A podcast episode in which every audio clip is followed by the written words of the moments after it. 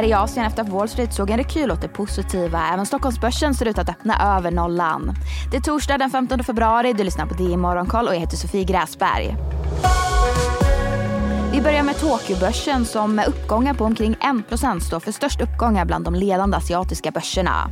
Sony backar 7% efter att bolaget sänkt sin försäljningsprognos för Playstation 5 samtidigt som Sony-chefen Hiroko Totiki meddelat att det inte kommer att släppas några fler storspel från gamingbolaget i år. Techjätten Rakuten däremot stiger 15% efter att ha rapporterat mindre förluster under 2023 än året dessförinnan. Och Japan är inte längre världens tredje största ekonomi. BNP för fjolårets fjärde kvartal var negativt och kom in på minus 0,4% på årsbasis. Vilket innebär att Japan nu är i teknisk recession. Tredje platsen bakom USA och Kina övertas nu av Tyskland.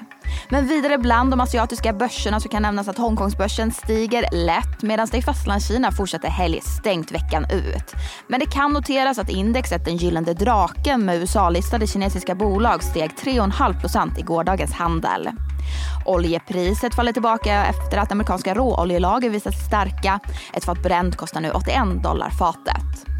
Men vidare till USA där Wall Street såg ett rally. Breda S&P 500 stängde upp 1 medan tekniktunga Nasdaq steg 1,3% Där agerade techjättarna Draglok, Nvidia, Microsoft och Apple steg alla omkring 2% men vidare till de rapporterande bolagen. Cisco backade 5% i efterhanden efter att ha stängt sina helårsprognoser.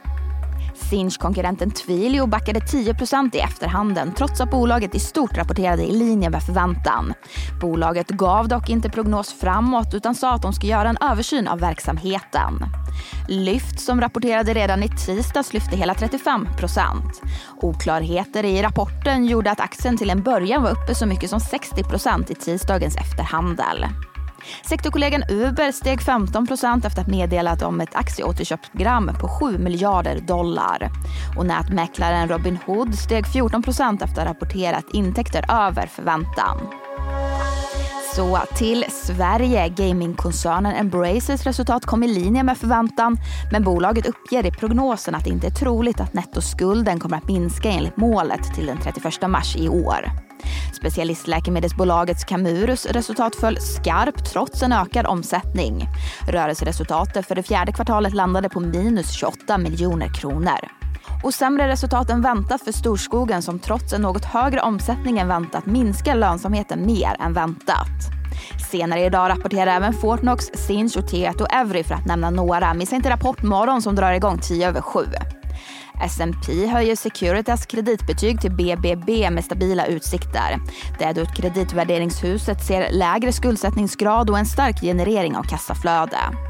Biko gör nedskrivningar på 582 miljoner kronor för förvärv under 2020 och 2021. Men det var allt för den här nyhetsuppdateringen. Det är Morgonkollet tillbaka igen imorgon bitti. Jag heter Sofie Gräsberg.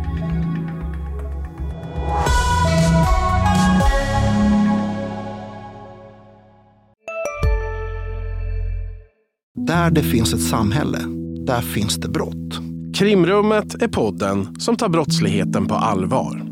Jag bjuder in landets ledande experter och tar upp aktuella rättegångsfall för att begripliggöra den kriminalitet som kryper allt närmare. Du, alltså, du kan knäcka ett eller några gäng, men det kommer komma nya och så kan vi knäcka dem sen. Men att du ska knäcka allt forever, det kommer aldrig ske. Det är infinite game. Lyssna på Krimrummet, en podd från Expressen med mig Kim Malmgren.